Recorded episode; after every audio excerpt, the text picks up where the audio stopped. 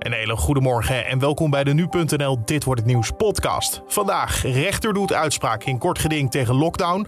Actiegroep Nederland in Verzet komt met coronaprotest op de Dam.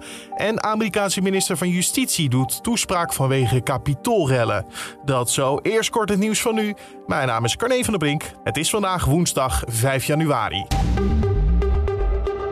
politie is dringend op zoek naar de fiets van de 14-jarige Esmee. Het meisje werd op Oudjaarsdag in Leiden doodgevonden. En er zijn nog veel vragen, waaronder waar haar fiets is. In de opsporing verzocht gaven ze een beschrijving. Het is in ieder geval een zwarte elektrische Cortina damesfiets. Met voorop een grote bruine rieten mand.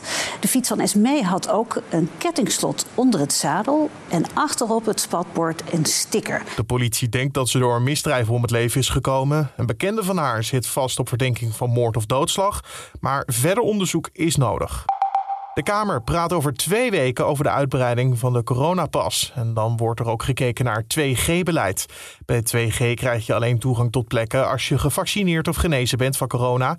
Eigenlijk zou hier eerder naar gekeken worden, maar de Tweede Kamer wilde uitstel. Dat komt omdat het ministerie van Volksgezondheid volgende week met meer informatie komt over de Omicron-variant. We zitten nu al twee weken in een harde lockdown vanwege de Omicron-variant. Groot-Brittannië heeft ook veel last van deze nieuwe variant.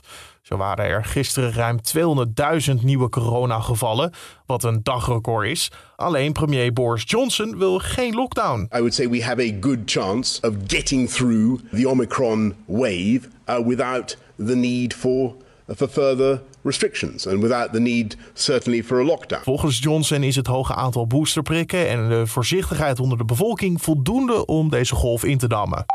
En Joey Veerman verkast definitief naar PSV. De middenvelder, die voor ongeveer 6 miljoen euro van Heerenveen wordt overgenomen, heeft in Eindhoven een contract tot 2026 getekend. Zelf hoefde hij niet lang na te denken over deze stap. Ja, gelijk uh, een hele mooie club natuurlijk. Ja, gewoon de nummer 1 van de Eredivisie. Dus uh, ja, ik heb daar niet heel lang over nagedacht. Dat zegt hij tegen PSV TV. En Veerman is de vervanger van Davy Prupper, die gisteren zijn carrière beëindigde omdat hij geen plezier meer uit het voetbal haalt. En dan de agenda van vandaag. De rechter doet namelijk schriftelijk uitspraak in het kortgeding tegen de invoering van de huidige lockdown. De zaak is aangespannen door advocaat Bart Maans namens uh, zes eisers. Zij vinden dat deze lockdown met onmiddellijke ingang moet worden beëindigd, omdat de overheid met de invoering ervan grond- en mensenrechten van de Nederlandse bevolking zou schenden. Een actiegroep Nederland in Verzet heeft een coronademonstratie aangekondigd op de Dam in Amsterdam. De groep voert actie tegen het huidige coronabeleid in Nederland. Tot en met zondag zijn er door het hele land acties aangekondigd, van Staphorst naar Emmen tot Delft. En ook zaterdag en zondag zijn er protesten in de hoofdstad. De Amerikaanse minister van Justitie houdt een toespraak over de kapitoolrellen. 6 januari 2020 vielen demonstranten het kapitool binnen omdat ze het niet eens waren met de uitslag van de Amerikaanse presidentsverkiezingen. De minister zou zich willen uitspreken over de wijze waarop het ministerie zich eh, inzet om Amerikanen en de Amerikaanse democratie te verdedigen tegen geweld.